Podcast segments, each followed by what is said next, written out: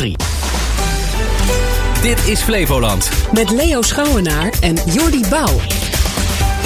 Goedemorgen. Het probleem hoeven we niet meer recht uit te leggen. Er is een tekort aan huizen, ook in Flevoland natuurlijk. De wethouder van Almere die denkt dat er de komende jaren 75.000 huizen bij kunnen komen in zijn stad. Maar de raad die twijfelt nogal of dat wel gaat lukken. Straks Nou, meer. Ja, en ook in het nieuws de scholen die trekken aan de bel.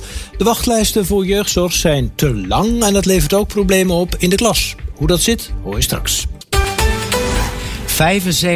75.000 nieuwe huizen erbij in Almere de komende jaren. Dat moet echt gaan lukken, zegt de Almeerse wethouder Julius Lindenberg. Gisteravond werd het voorstel besproken met politici uit Almere en Lelystad. Want de bouwplannen zijn namelijk onderdeel van een gezamenlijk groter plan voor de toekomst van de metropoolregio Amsterdam, waar Almere en Lelystad onder vallen. Een aantal politieke partijen in de gemeenteraad van Almere twijfelt over de ambitieuze bouwplannen. Wethouder Lindenberg maakt zich niet zo'n zorgen. Hij gelooft in de plannen waarin Almere en Lelystad in totaal 90.000 woningen bouwen. Jazeker, er ligt een mooi verhaal vanuit eh, Almere, Lelystad en Flevoland. Want er gaat, als het aan Almere en Lelystad ligt, in de toekomst veel gebeuren. De steden moeten geld krijgen van het Rijk om voorzieningen te realiseren. Maar ook voor het op peil houden van bestaande stadsdelen. En er moeten dus woningen bij. In Almere 75.000. Nou, die staan er niet morgen, maar dat is wel de ruimte die we hebben. We hebben een woonvisie van 25.000 woningen. We hebben een stadsdeel Almere Pampus waar we ook nog eens een keer tussen de 25 en de 35.000 woningen kunnen bouwen. En we kunnen aan de oostkant in Oosterwold ook nog woningen bouwen. En er zijn nog een aantal andere locaties in de stad waar het op termijn zou kunnen. Maar je hebt het wel over een langere periode. Ja, er ligt nu een woondeal met eh, het ministerie van 40.000 woningen.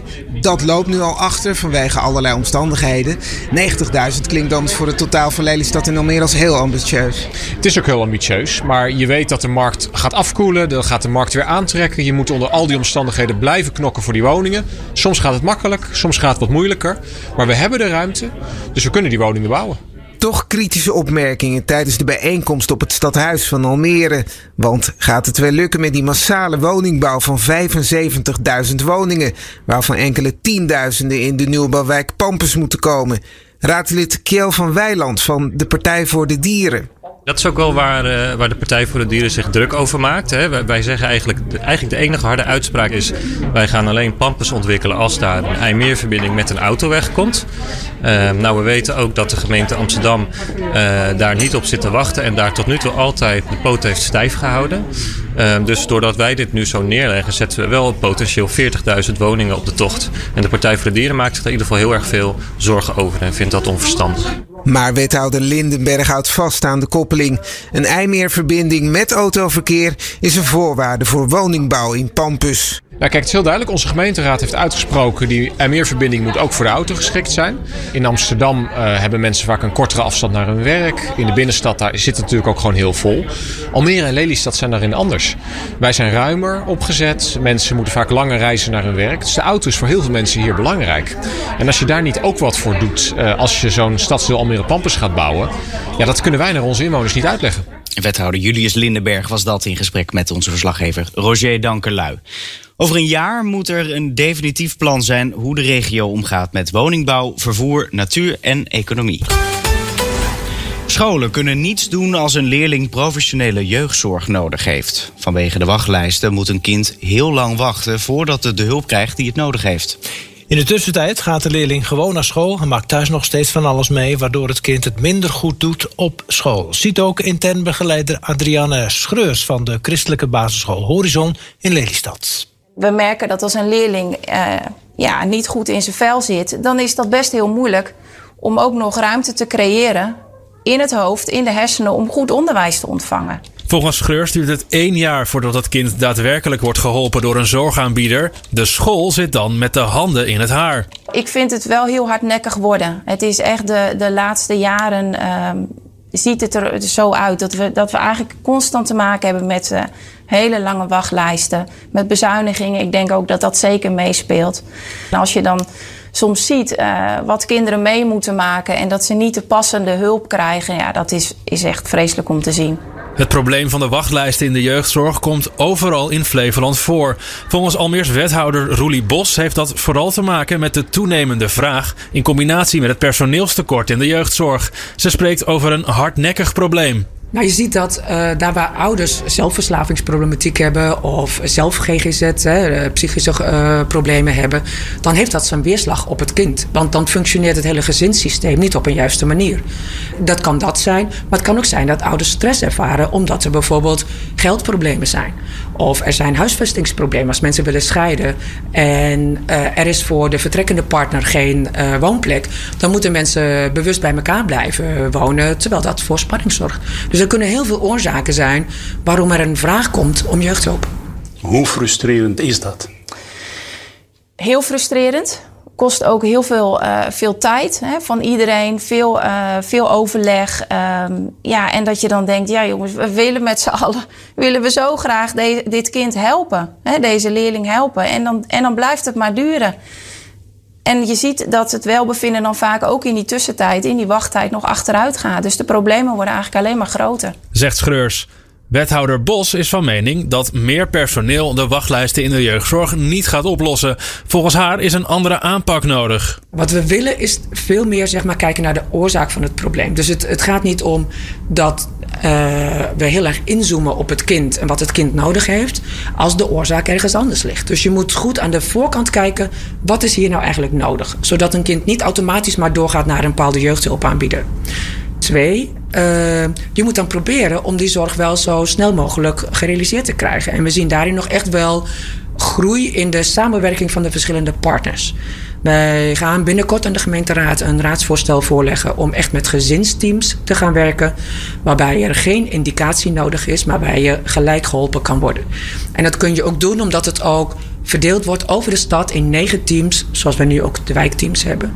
En dan kun je echt veel dichter bij bewoners uh, ja, de hulp aanbieden, een vast gezicht krijgen. We, gaan, we denken dat dat echt gaat helpen. Wethouder Roelie Bos van Almere was dat. Wat heb je gisteren gemist omdat je niet naar de radio of de tv keek? Nou, een gesprek met Arabist Leo Kwarten bij Nieuwsuur... over uh, gesprekken tussen de Amerikaanse minister van Buitenlandse Zaken Blinken... en leiders van Arabische landen. En dat ging over de oorlog tussen Israël en Hamas. Zo was Blinken onder andere in Qatar. Volgens Kwarten een erg belangrijk land voor de Verenigde Staten. In de eerste plaats om uh, boodschappen over te brengen uh, tussen Iran en de Verenigde Staten. Die praten niet direct die landen, maar dat gaat dan via Qatar. En Qatar heeft in het uh, verleden wel vaak, be vaker bemiddeld tussen de Verenigde Staten en Iran. Dus dat is een, goed uitgangspunt. Iran of Qatar heeft goede relaties met Iran. Een ander belangrijk gesprek dat Blinken voerde was met Saoedi-Arabië. De beide landen hebben elkaar volgens Kwarten hard nodig. De Saoedi's zeggen, weten heel goed dat uh, de Verenigde Staten en met name president Biden een akkoord wil tussen Saoedi-Arabië en Israël. Doet het namelijk heel goed in uh, de verkiezingscampagne van Biden volgend jaar. Die kan zeggen, ja, ik heb vrede bewerkstelligd tussen Israël en het belangrijkste Arabische land, Saoedi-Arabië. Dus er al daarvoor, dat weet Saoedi-Arabië, wil Saoedi-Arabië iets terug hebben. De garantie dat Amerika uh, Saoedi-Arabië um, beschermt in de, in de toekomst. Bijvoorbeeld bij een aanval van Iran. Ze willen uh, de beste wapens hebben uit Amerika. En ze willen ook een kerncentrale hebben. Een ander aspect van de oorlog is de grensovergang bij Rafah tussen Zuid-Gaza en Egypte. En dat kwam aan de orde in de talkshow Umberto op RTL 4. Nou, die uh, grensovergang is nog altijd potdicht. Geopolitiek adviseur Ron Keller zei dat alle partijen in het conflict belang hebben bij het dichthouden van het hek. Begin als ik mag bij Israël.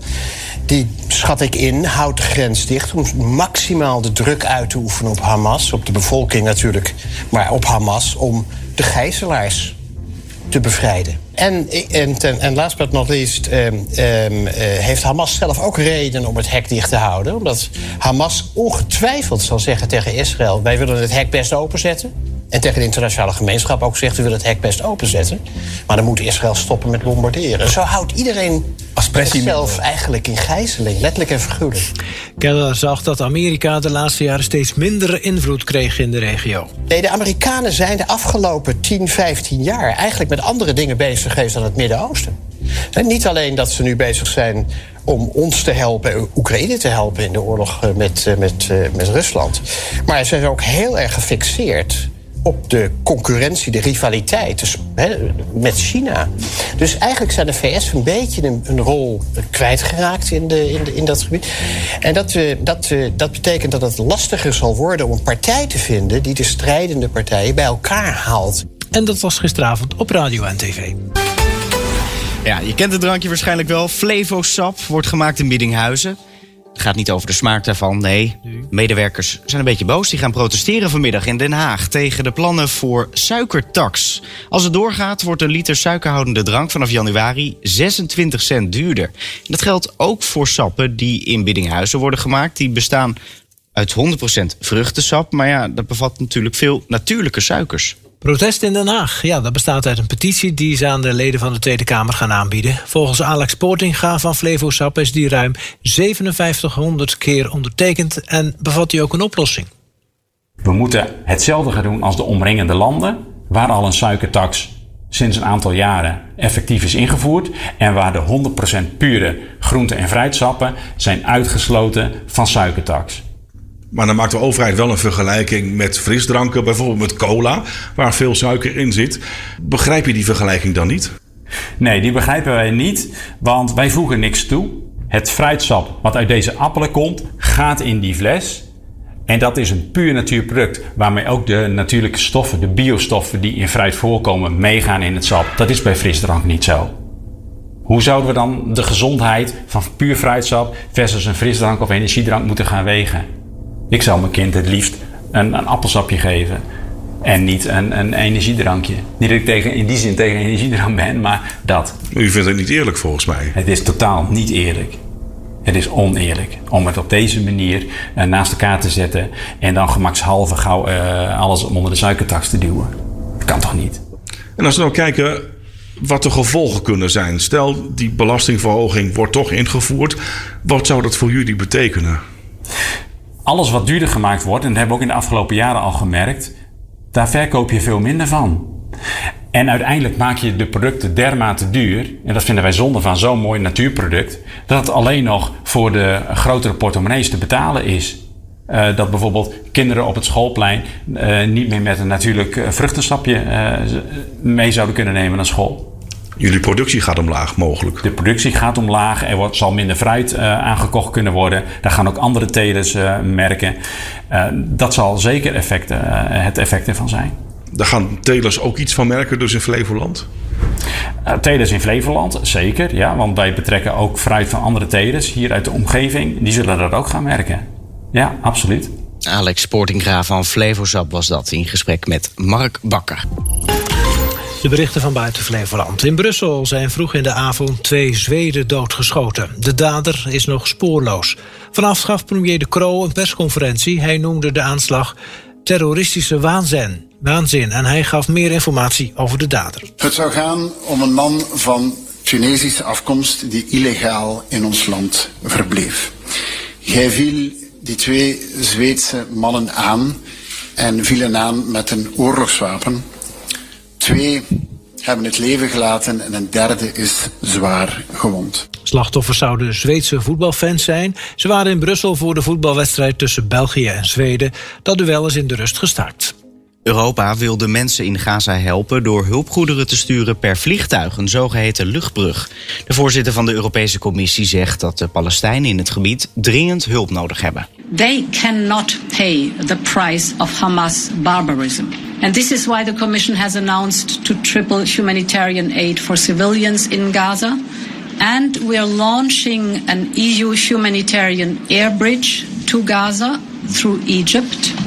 The first two flights will start this week. De vluchten moeten onder andere tenten, medicijnen en toiletartikelen naar Gaza brengen. Het is de bedoeling dat alles naar Egypte wordt gevlogen en vanuit daar naar de Gazastrook worden vervoerd. Vooralsnog kan dat niet omdat de grens tussen Egypte en Gaza dicht is.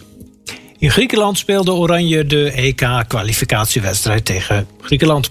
Lange tijd wisten de twee ploegen het niet te scoren. In de 90ste minuut kreeg Nederland een penalty. Hoewel de scheidsrechter toch nog even naar de kant ging. Zes minuten hij gaat kijken. tijd. Hij gaat kijken. Oh, oh, oh, oh, oh. Hij gaat kijken. Blijkbaar vindt de VAR dit geen strafschop. Het was toch een duel. Het is in mijn optiek een uh, penalty. Het is trouwens uh, de overtreding van Pavlidis. En penalty. Hij geeft hem. Dat is lef. Ik beloof dat ik de komende jaren één van mijn vakanties per jaar, er zijn er maar twee, zeker in Spanje zal doorbrengen. Want de scheids, dat is een Spanjaard. Nou, Virgil van Dijk schoot hem erin. Oranje is nu heel dicht bij het deelname aan het EK. Ik heb een klein stukje gezien. eh, Ja. De 70ste minuut. Toen was het nog steeds 0-0.